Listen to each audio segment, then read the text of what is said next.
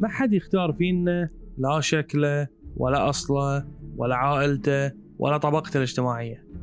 واحد الله يعطيه وسامة براد بيت وشخص ثاني يمتلك ملامح شعبان عبد الرحيم. واحد ينولد من عائلة هوامير ويورث ملايين وشركات وأصول. واحد ثاني ينولد من عائلة على قد حالهم ويمكن يورث ديون أهله. واحد ينولد من عائلة حاكمة عندها السلطة واحد ثاني ينولد من عائلة صغيرة ميسورة. ما تملك أي امتيازات. لا هذا عنده أفضلية على هذا ولا هذا له ذنب من هذا. مو فخر إنك انولدت بحلجك قفشة ذهب ونفس الوقت مو ذنب لازم تبرره.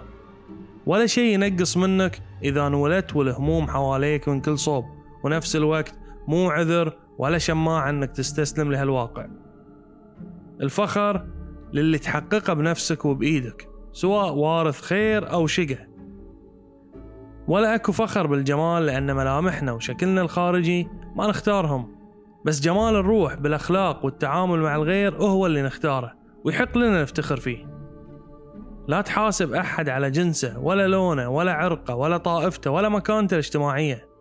هالأشياء مو اختياره هالأشياء انولد وهي تحاصره وتشكل هويته. حاسبه على عمله وتعامله. مجدك مو بتاريخ أجدادك. مجدك باللي راح يقرونه عنك أحفادك.